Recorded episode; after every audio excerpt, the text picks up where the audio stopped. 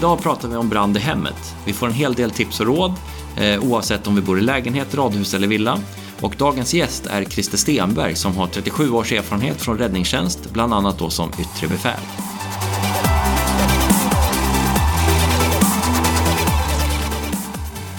Hej Christer, kul att du ville prata lite med oss. Ja, hej. Eh, vi ska prata lite när det brinner i, i hemmiljö. Eh, flerbostadshus, villa, radhus. Vad man ska tänka på och lite, lite tips i vardagen kring hur man ska minska riskerna för att man ska ja. råka illa ut. Ja, det är ju ganska vanliga larm just i, i bostäder. Mm. Ja, för du har en, eh, en lång och imponerande karriär inom räddningstjänsten. 37 eh, år. Ja, stämmer bra det. Ja. Vill du berätta lite om dig själv och vad du har gjort i, inom räddningstjänsten? Ja, eh, jag började ju då i slutet på 70-talet. Och på den tiden så fick man ju köra ambulans först. För att man var anställd i brandkåren och sen i Stockholms brandförsvar då. Och sen ja, körde ambulans ett par år och sen så fick man söka över till brandförsvaret då. Till brandman. Och då okay. började jag jobba som brandman efter tre år någonting. Hamnade på Kungsholmens brandstation. Där jag utbildade mig till vattendykare också. Sen då gick jag förmansutbildningen, hamnade på Farsta brandstation. Eh, var förman där och jobbade med kem. Som är specialitet på Farsta. Kemolyckor. Sen eh, gick jag brandmästarutbildningen. Hamnade på Katarina brandstation. Och där har man den här eh, RITS som det hette då på den tiden. Idag heter det MIRG. Men det är alltså räddningsinsats till sjöss. Alltså man flyger helikopter ut och firas ner på båten och sen hjälper då ja, personalen på båten. Sen gick jag överbrandmästarutbildningen och hamnade på Johannes brandstation. Eh, jobbade där i 7-8 år. Och eh, mot slutet kallades det för yttre befäl då man bytte namn på det hela bara. Egentligen så är det samma jobb man gör. Okay. Och ett yttre befäl åker alltid, när det är två stationer som åker till samma skadeplats. Så åker ett yttre befäl dit och blir räddningsledare som det kallas för. Okej. Okay.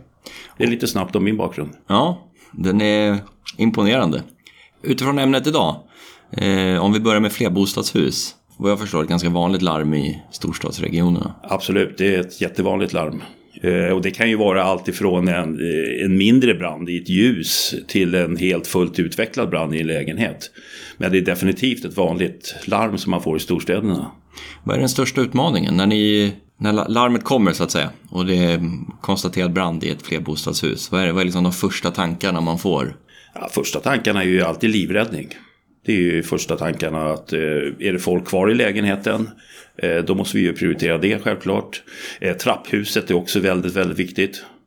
Med tanke på att det bor väldigt många andra i det här trapphuset.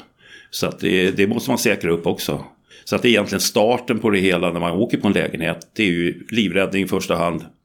Säkra upp trapphuset och sen då försöka släcka branden i lägenheten. Det är ju egentligen så man jobbar. Mm, ja, för du är inne på, på trapphuset och det är ju det är en av utrymningsvägarna. Hur tänker man kring utrymning generellt i en flerbostads... Eh, ja, det, det som är grunden i det hela det är ju egentligen att man har två varandra oberoende vägar ut.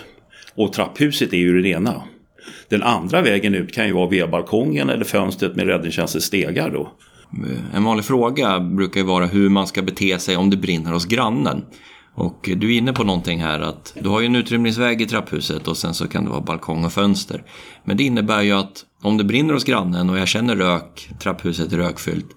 Det tar ju lite tid innan räddningstjänsten är på plats. Så att eh, med andra ord så ska jag alltså stanna kvar i min lägenhet om det är konstaterad brand hos grannen. Absolut, absolut. Och det är det man eh, ständigt ropar till folk som står i fönstren. Ofta står folk i fönster på balkonger eh, frågar ofta vad ska vi göra? Och tio fall av tio så säger man stanna kvar i lägenheten. För det folk inte riktigt vet är ju att vi har byggt in ett väldigt bra brandskydd i huset redan från början. När man bygger huset enligt Boverkets byggregler. Då. Så att man har ett väldigt bra skydd. Men vi måste också väga in det mänskliga beteendet här. Det är att vi blir rädda. Mm. Och eh, vi kanske flyr då. Och då ger vi oss ut i det här trapphuset som är rökfyllt. Och då har man satt sig i en jättefarlig situation. Det här inbyggda skyddet i lägenheten. Hur länge i teorin ska man vara skyddad och, och säker i sin lägenhet? Ja, egentligen så handlar det ju om när huset är byggt till att börja med. För det är ju Boverkets byggregler, det är året som gäller. Om det inte är en omfattande renovering eller en ändrad verksamhet. Men det är det ju sällan i flerbostadshus. Men eh, 60 minuter säger man. Mm. Att väggar, golv och tak står emot brand och rök. Mm. Eh, 30 minuter så klassar man ju dörrarna som. Sen beror det som sagt var på när det här huset är byggt. Mm. Så ett äldre hus har ju kanske något sämre, framförallt dörrarna är sämre mm. än vad ett nyare hus har. Men det ska ändå vara fullgott på ett sånt sätt att man i regel ska stanna kvar? Absolut, absolut. Bara en innedörr mm. gör väldigt stor betydelse inne i en lägenhet. Om den är öppen eller stängd har väldigt, väldigt stor betydelse. Du var inne på det mänskliga beteendet och hur, hur vi agerar när vi blir utsatta för fara. Eh, när man ger sig ut i trapphuset som du var inne på och utsätts för den här röken, vad är, hur farlig är röken? Hur fort kan det gå för en person att bli utslagen i en rökfylld miljö? Ja, på andetag så blir man väldigt, väldigt påverkad och då ökar ju stressen. Och eh, man ska alltså inte ge sig ut i det här trapphuset överhuvudtaget. Det är alldeles för farligt om det är rökfyllt. Så att röken påverkar väldigt, väldigt snabbt. Man är väldigt trygg i, egen, i sin egen lägenhet om man eh, har dörren stängd. Mm. Det var ett bra, bra första råd. Ehm, stanna kvar i lägenheten, vänta på, på räddningstjänstens eh, instruktioner. Ja, och framförallt ta kontakt med räddningstjänsten via fönster eller eh, på balkongen och prata med dem. Ropa ner dem till dem på gatan. De står nedanför oftast. Vi har pratat lite om trapphuset och att det är en utrymningsväg. Eh, gör man något speciellt för att skydda trapphuset, utrymningsvägen? Absolut, det, är, det är ju nästan det viktigaste utav allt. Det är ju eh, livräddning självklart i första hand. Men sen är det att säkra upp trapphuset. Och det gör man ju ofta då med fläktar. Antingen så har man ett trapphus där man kanske har eh, balkongdörrar eller fönster eller någonting. Då öppnar man ju de fönstren. Och så sätter man en fläkt nere vid porten. Och så trycker man ut och sätter ett övertryck i trapphuset. För att säkra upp trapphuset. Men i, i vissa fall så finns det inga fönster och dörrar. Och då är det ofta rökluckor som sitter uppe i taket. Mm. Eh, och det är ju en brandteknisk installation som man har byggt in enligt plan och bygglagen. Att det här trapphuset har inga fönster, man kan inte ventilera från rök, därför sätter man in en, en röklucka upp i taket. Och ofta är det ju nere i porten som det sitter en knapp, en vev eller någonting som man kan öppna den här rökluckan. Och det man gör där det är ju att man, eh, det är likadant där, då öppnar man rökluckan, sätter fläkten nere, trycker bort röken och sätter över, får ett övertryck i mm. trapphuset. Ja, trapphuset blir som en skorsten kan man säga. Ja, precis. Man trycker bort den här röken ganska snabbt faktiskt. Man kan ju gå från en ganska, en dödlig miljö till en miljö man överlever i på kanske, ja, man ska ju räkna på det, men eh, kanske 20 sekunder. Att man, så att det är ofta man sätter in fläkten väldigt tidigt i just de här trapphusen. Mm. För att just få bort det här att någon kommer ut från en lägenhet där det inte brinner och går ut i trapphuset. Va? Ja, man ser ju ofta också lappar i trapphuset där det står att man inte får förvara någonting. Alltså inga barnvagnar eller växter eller vad det nu kan vara. Vad, vad är anledningen till det? Anledningen är ju att man tar bort dels att det är en utrymningsväg. Det räknas som en utrymningsväg och då ska den vara fri från föremål och, och brännbart material. Eh, sen är det ju så om det står en barnvagn i, i trapphus, man tycker att det är väldigt lite egentligen som kan brinna där. Men den rökfyller ett helt trapphus i princip om man eh, tänder eld på den. Och man tar bort möjligheten också för någon som kanske vill tända eld på det här. Om det inte finns någon barnvagn där så kan man ju inte tända eld på den så att säga. Det blir väl också ett hinder för, för er, alltså för rökdykarna när man ska in. Om det är rökfyllt, svårt att se, Ja, absolut. Ja, det, det försvårar ju för rökdykarna att söka av trapphuset. Det gör det, absolut. Eh, sen kan man ju alltid flytta ut den där då ganska snabbt va. Om det är en barnvagn som står där. Men är det väldigt mycket grejer, cyklar och andra saker som man kan snubbla på. Så det är klart, då kommer det ta längre tid att söka av det här trapphuset.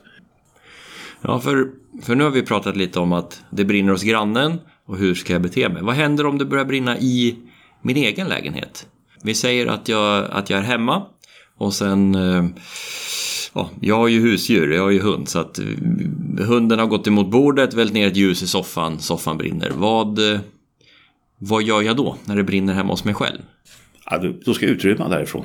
Är du vaken så kommer du upptäcka branden ganska tidigt. Och förhoppningsvis så har du en fungerande brandvarnare också.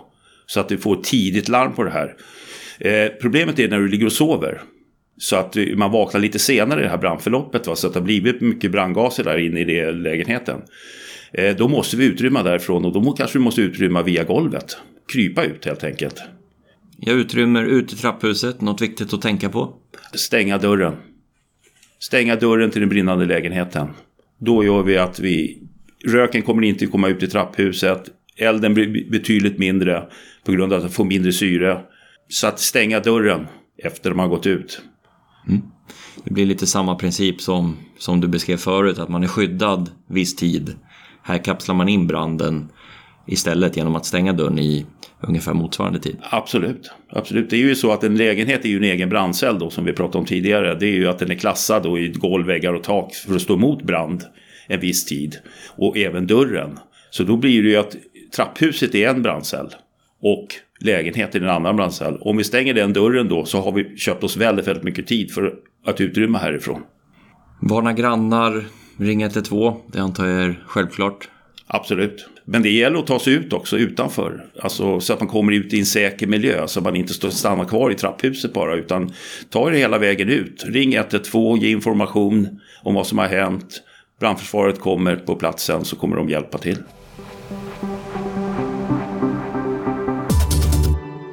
Du pratade lite om brandvarnare, att det är en viktig del i tidig detektering. Alltså att få veta att det brinner om jag sover eller även om jag är i ett annat rum eller, eller eh, hur det är. Finns det någon annan typ av utrustning du tycker att man borde ha hemma? Brandvarnare ska vi ju ha. Eh, är det något annat du tycker att man ska tänka på eller som man borde ha hemma? Ja, brandvarnare är ju, det är ju minsta nivån på ett brandskydd i hemmet. Det är ju där man har lagt ribban på att ha en fungerande brandvarnare. Och är det så att man har ja, två våningar eller och så vidare, etagelägenheter eller någonting, då bör man ju ha en seriekopplade brandvarnare med de olika våningsplanen. Men sen tycker jag att man ska gå upp och kanske ha en, en brandsläckare hemma. Och där gör man ju rekommendationen från Brandförsvarsföreningen, det är ju en 6 kilos pulver som man eh, eh, rekommenderar att man ska ha i hemmet då. Så jag tycker ju att man kan gå upp en liten nivå. För brandvarnare är absolut den lägsta nivån och det egentligen handlar bara om att komma ut. Få tidigt larm och ta sig ut därifrån. Ehm, ser man någon förändring i brandorsak, alltså den vanligaste orsaken till att det brinner i, ehm, ja, generellt oavsett om det är lägenhet, villa eller radhus? Har det där liksom förändrats med teknikutveckling och så vidare? Jag vet att tidigare var det mycket rökning och sådär. Hur ser det ut idag? Ja, vi har ju andra risker som har dykt upp istället. Nu röker vi kanske mindre hemma än vad vi gjorde tidigare. Men fortfarande så har vi rökning som en, en väldigt stor dödsorsak vid lägenhetsbränder eller vid bostadsbränder. Eh, men däremot så har ju laddare till olika saker. Vi laddar ju mer än någonsin nu. Och eh, där har vi också fått en ökad eh, risk. För det finns ett antal fall där vi har fått bränder på grund av laddare. Mm. Och då pratar du dator, mobilladdare, ja, egentligen vad som helst? Ja, USB-laddare. Mm. Som vi kanske inte har rätt USB-laddare för rätt sak så att säga. Så där är det viktigt också att man tittar på vad är det för saker jag har. Så jag går inte och köper en billig kopia någonstans bara utan att man köper den som ska vara till den produkten som man har. Runt ett flerbostadshus så har man ju också skydd. Man brukar ju se skyltar där det står räddningsväg. Vad är det för någonting och varför finns det?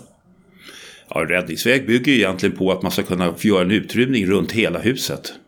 Och det är ju för att man ska få in eh, höjdfordonen, alltså stegbilarna, på kanske en baksida och därför har man en räddningsväg som man åker in på. Och där är ju problemet om det är folk som har parkerat bilar, eh, man kanske inte får upp grindar, man har inte haft kontroll på det här. Det som äger fastigheten så att säga. För det är en del i det brandtekniska också. Det är en räddningsväg. Och det är för att kunna göra en utrymning runt hela huset så man når med stegbilarna. Mm. man en följdfråga. Hur vanligt är det att man kommer fram och så står det bilar i vägen eller precis det här du beskriver. Och vad gör man då? Ja, tyvärr så är det ganska vanligt. Det är inte många som ser de här skyltarna och respekterar dem heller, tyvärr.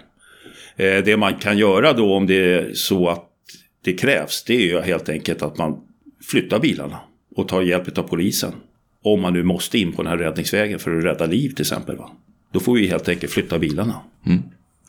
Nu spelar vi in det här avsnittet i juli och det har ju varit mycket i tidningarna kring blockerade möjligheter för räddningstjänst och eh, ambulans att komma fram till badplatser vid drunkning och sådär. För du nämnde tidigare att du har varit på Kungsholmen och varit eh, räddningsdykare tror jag det kallas va? Ja, det stämmer. Vi har ju tidigare avsnitt också pratat med Henrik Smid som kör ambulans eh, kring utmaningen med allmänheten. Är det här någonting som är vanligt att, att allmänheten inte respekterar räddningstjänsten när man ska fram på en olycka? Ja, tyvärr så tycker jag att eh, den utvecklingen har gått åt det hållet. Tyvärr är det väldigt många som står och filmar och sånt istället för att kanske hjälpa till eller flytta på sig så att man kommer fram. Det är oerhört viktigt för tid, det är det det handlar om. Och drunkningar, alltså då är ju 30 sekunder otroligt mycket tid för den personen som ligger under vattnet. Så att det är ju den respekten tycker jag för andra människor att flytta på sig och kanske till och med hjälpa till om, om man behöver. Tyvärr så tycker jag inte att det har blivit bättre med åren. Det var bättre förut om man får säga så. Mm. Ja, men det var en liten avstickare men jag tycker det, det är viktigt ändå att belysa att räddningstjänsten gör mer än, än att bara släcka bränder. Oh ja, mycket mer. Och något projekt som också har kommit fram nu eller som är väldigt lyckat det är ju det här Salsa. Alltså. Det är ju om man åker ut med en bil från brandstation med hjärtstartare. Mm. Vi bevittnade hjärtstopp. Eh, där har man räddat flera liv faktiskt. Eh, så det är ju en arbetsuppgift som har kommit för ett antal år sedan. Och där har, där har vi väldigt bra resultat. Mm. För där pratar vi också tid. Som är oerhört viktigt. Va? Mm. Eh, tillbaka till, till bränder och vi gör en, ett besök i ett flerbostadshus igen. Vi pratar vindar och källare. Det tycker jag ofta är någonting man läser om när det är, när det är bränder. Så är det inte speciellt ovanligt att det, att det brinner just på vinden eller i källaren. Hur kommer det sig? Ja, källare så det skulle jag vilja påstå att det är ganska ofta med anlagda bränder. Nere i källare. Och källare är ju ofta svårt att komma ner i. eftersom du får gå ner mot branden istället för upp mot den. Va? Så att, eh, och ofta är det ju begränsade utrymmen, ganska svårt att hitta. Eh, det kan lätt rökfylla flera trapphus. Om källaren går där det är flera trapphus som går upp. Dörrarna kanske står öppna där. Då har vi ju helt plötsligt rökfyllt ett par trapphus också. Eh, förvaring och sådär, det är någonting som, som man också brukar få utskickat till sig när man bor i, i lägenhet. Att man inte får förvara brandfarliga gaser eller vätskor och sådana saker i vind eller källare. Eh, finns det några begränsningar eller är det ingenting? Jag tänker bensindunk eller sådana gasol eller? Nej, det är, det är nolltolerans där alltså. Det är noll. Man ska alltså inte förvara några brandfarliga vätskor eller gaser i en källare. Eller en vind. Eh, nu har vi pratat lite om flerbostadshus. Vi gör en förflyttning till ett, om man bor i ett radhus. Eh, hur ser liksom förhållningen ut om det brinner hos grannen jämfört med det vi pratade om förut med att man skulle stanna i sin lägenhet och så vidare. Hur ska man tänka om man, om man bor i radhus? Ja, radhus är ju lite skillnad där. Det beror på lite när det här radhuset är byggt också. För är det byggt då för ett äldre radhus så är det ju ofta helt öppna vindar ovanför. Och får du en brand i en av eh, bostäderna där så är det lätt att röken kommer upp i den här vinden. Eh, den tänder där uppe och så kan vi få en brand i alla eh, bostäder. Så där är det ju egentligen utrymma. Eh, från om man nu bor granne med eller bor i radhuset där. Mm. Eh, börjar brinna i, sin, e-, i sitt eget hem. Då är det, är det mera likt eh, lägenhetshanteringen. Eh, har du en brandsläckare och man själv bedömer att man kan göra en insats så ska man göra det annars ut. Absolut, och just den här bedömningen är otroligt viktig. Va? Eh, många gör ju bedömning av själva elden. Det är inte den som är problemet utan det är röken. Och det är röken vi ska göra bedömningen av. För det är den som är problemet. Och eh, många misstar sig med att man tycker att det, det brinner inte så mycket. Och sen då är det väldigt mycket rök istället. Och det är då man kan få ett jätteproblem att ta sig ut där. Så bedömningen ska vara att på röken, inte på elden, om man nu ska göra en insats med en handbrandsläckare. Vad det gäller liksom själva utrymningen. Eh, vi har en brand, familjen ligger och sover, brandvarnaren går och man, man tar sig ut. Är det någonting man ska tänka på som, som familj, om man säger, om man är fler som bor i radhuset? Framförallt då att man eh, först har seriekopplade brandvarnare. Så att alla i huset hör det samtidigt. Oavsett om man är på undervåningen eller övervåningen. Eh, där man utrymmer också så ska det ju vara att man samlas någonstans. Så att man vet att alla har kommit ut. Mm. Nu, nu heter ju podden Riskpodden och det går ju liksom i som ett ämne men det är just att hantera riskerna innan. det går att med ganska små insatser faktiskt få en ganska stor påverkan på, på ett tillbud eller en olycka. Det är ju grunden egentligen för allting egentligen. Det är förebyggande brandskydd. Mm. Det är att man har koll på sina brandceller, sina dörrar, eh, en återsamlingsplats för familjen. Diskutera gärna inom familjen någon gång. Vad gör vi om det börjar brinna? Eh, hur gör vi bedömningarna? Var träffas vi?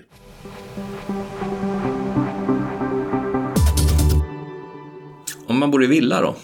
Grannhuset eh, börjar brinna, man ser klart och tydligt att det är en stor brand. Vad, eh, vad gör jag då så att säga? Ja, skillnaden här det är ju att vi, vi kommer inte kunna få en brandspridning på samma sätt som det är i flerbostadshus. Eh, med tanke på att villorna står en bra bit ifrån varandra förhoppningsvis. Radhus är ju problemet att vi kan få en brandspridning via vindarna. Men eh, när det gäller villor så är det ju risken för brandspridning är ju ganska liten till villan bredvid. Men däremot så kan man utrymma därifrån också. Och ta kontakt med brandförsvaret och diskutera med dem vad de, ska, vad de tycker man ska göra. För det är viktigt att få kontakt hela tiden med brandförsvaret. Mm. Så tidig, att man får information om... Tidig alarmering? Ja, tidig alarmering och sen så framförallt om de kommer på plats. Ja, okay. mm. Att man eh, pratar med dem, mm. frågar. För de kommer tala om precis var, eh, var farorna ligger.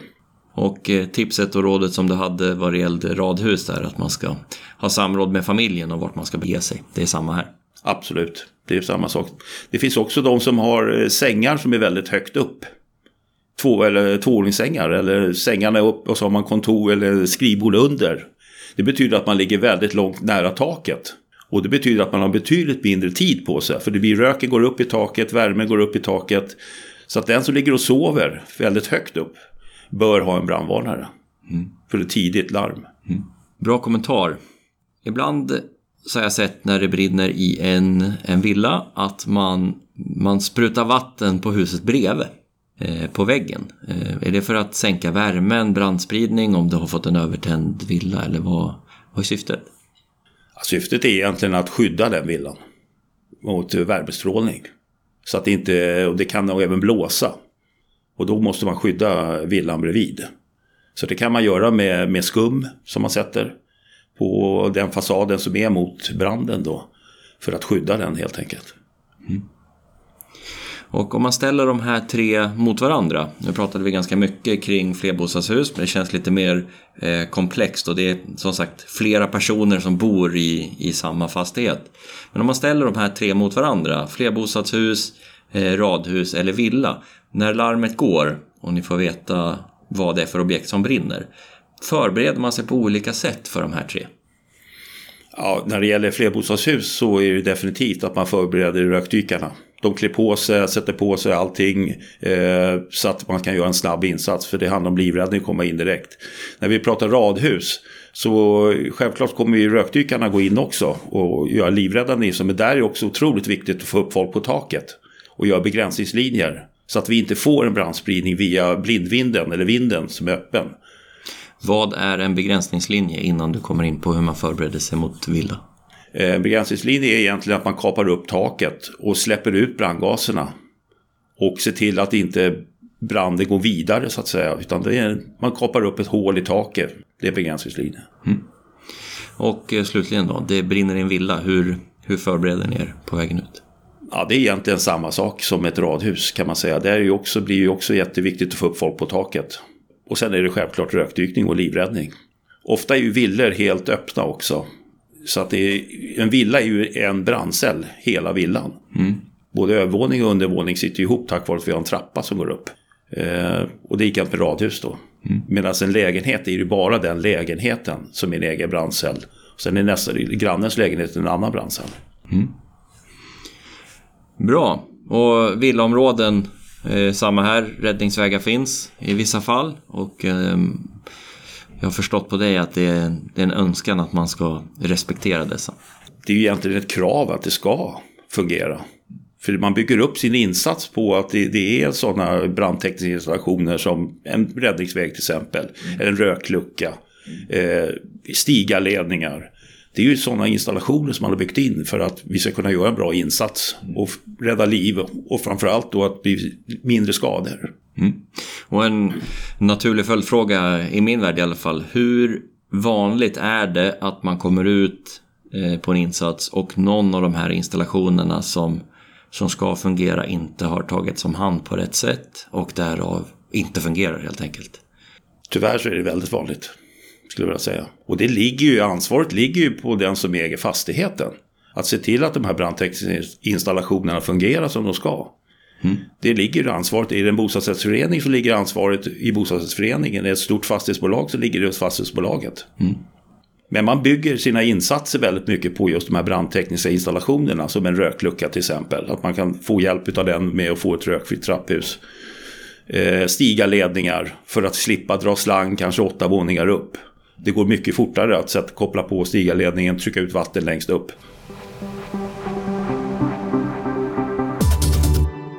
På sommaren som vi, som sagt, vi, vi spelar in det här avsnittet i juli.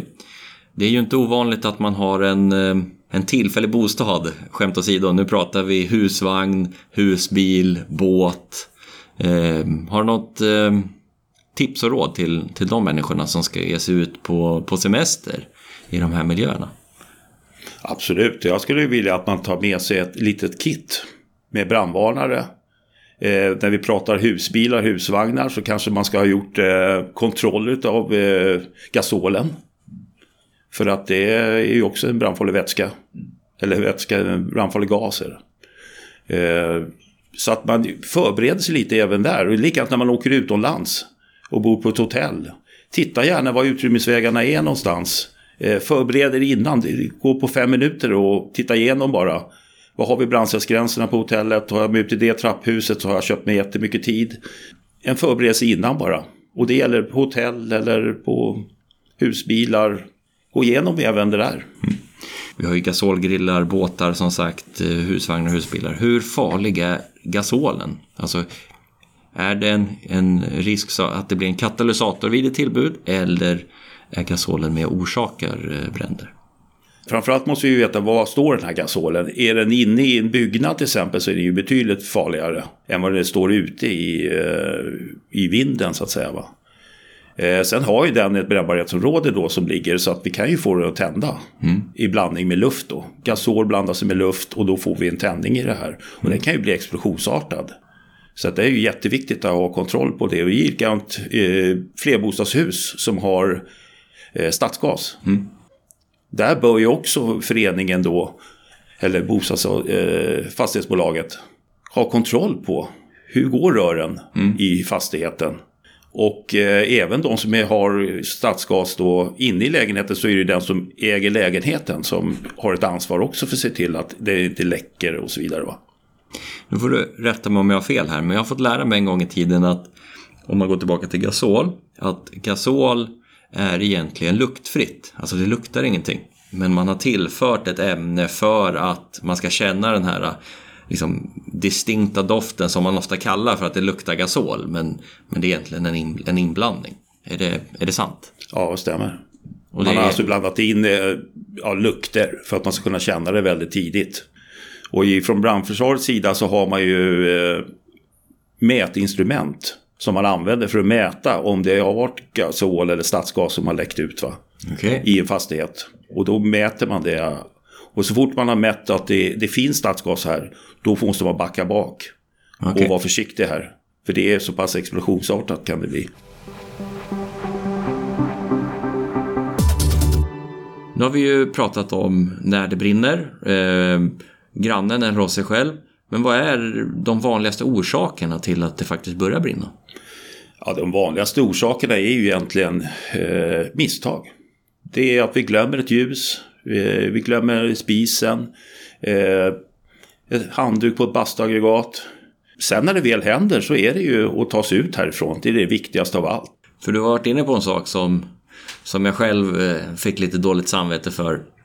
Det är när man laddar sina enheter. Eh, man ska ladda telefonen, man hittar inte laddaren så man tar någonting annat. Man har en sladd som passar men man kopplar in den i iPad-laddaren eller oavsett när man ska ladda sin iPhone.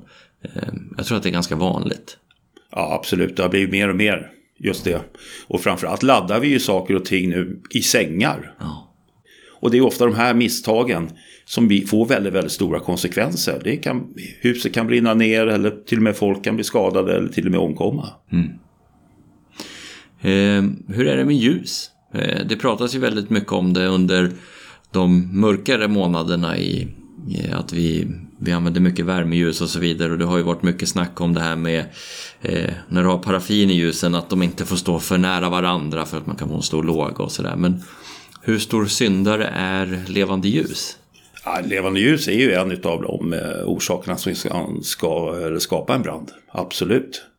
Och det, är ju det, det finns ju många exempel på det. Där ett ljus har ramlat ner i en soffa och fått eh, en antändning. Och ofta börjar ju de flesta bränder börja med en väldigt, väldigt liten orsak. Det är ett litet ljus, det är en laddare. Men konsekvensen kan bli att hela huset brinner ner. Mm. Nu har vi pratat lite tid. Eh, om, om vi nu har oturen, precis som, som du beskrev, jag tror att vi nämnde det som ett exempel tidigare också, ett ljus ramlar ner i en soffa, soffan börjar brinna. Hur lång tid tar det för, en, för ett rum att bli rökfyllt eller rent av övertänt? Om du har hyfsat... Vi har, vi har extra mycket otur här så fönstret står öppet så du har god ventilation, mycket syre. Det är ju ett par minuter mm. som man kan vara i det rummet. Och egentligen så är det ju inte till en övertändning utan det är ju till när det börjar bli farligt med den här röken för människor. Mm. Och det är betydligt tidigare mm. än den, när den här övertändningen, det är ju när brandgaserna tänder i förhållande till luft och brandgaser blandar sig. Mm. Så kan vi få röken att börja brinna. Men eh, röken är betydligt farligare långt innan dess för mm. människor. Ja, för det här med rök. Eh, möbler förändras ju. Jag tänker alltid på min eh, farmor och farfar och även mormor och morfar och möblerna som de hade. Det var det är min bild i alla fall från, från barndomen att det var liksom handarbete, det var mycket trä, Eh, nu känns det som att vi bygger med andra material i våra möbler. Har det påverkat giftigheten i eh, brandgaserna? Absolut, absolut. Det är mycket mer plaster i det här och då betyder det att röken blir betydligt giftigare och farligare. Eh, sen har vi isolering runt hus, cellplast som man bygger också. Mm. Eh, det är ju problemet där, det är ju att vi får en brand i cellplasten. Mm. Så eh, går det väldigt, väldigt fort. Och grejen är också att vi har byggt in ett brandskydd enligt Boverkets byggregler i fastigheter. Men om branden kommer utifrån mm. och in så kan den sprida sig lätt från, efter fasaden. Eh, det man försöker göra det är att bygga en sektionering. Man bygger med cellplast en bit och sen en sektionering och sen bygger man en bit till. Eh, men det kan bli en väldigt snabb brandspridning via fasaden upp och då går det in via fönstren sen som går sönder på grund av värmen. Då.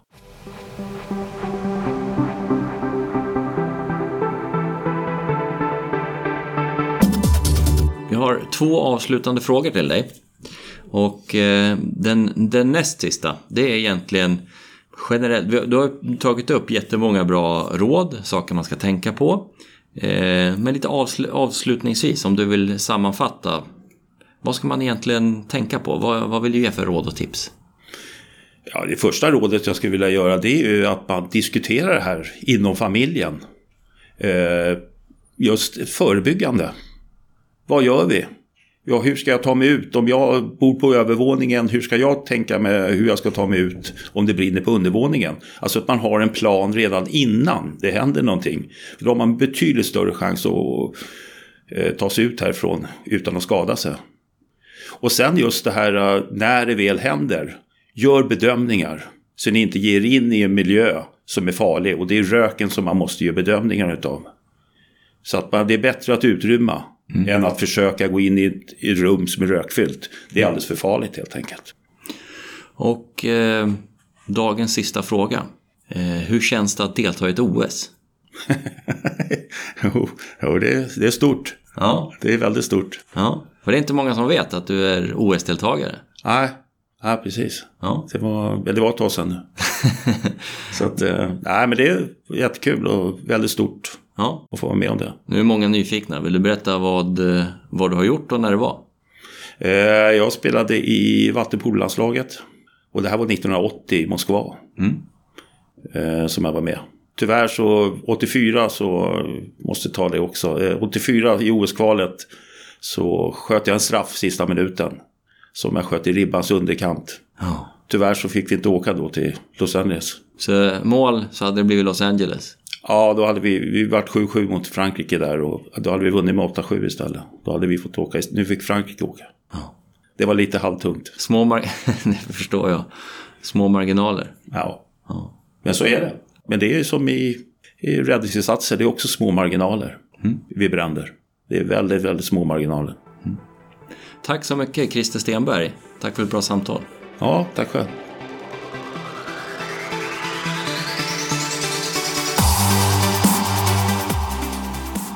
Idag har vi fått en hel del tips och en hel del bra saker att tänka på för att minska riskerna vid brand hemma. Hör av dig till oss på kontaktriskpodden.se om du vill önska ämnen till kommande avsnitt eller har en specifik fråga. Riskpodden görs av Presto Brandsäkerhet.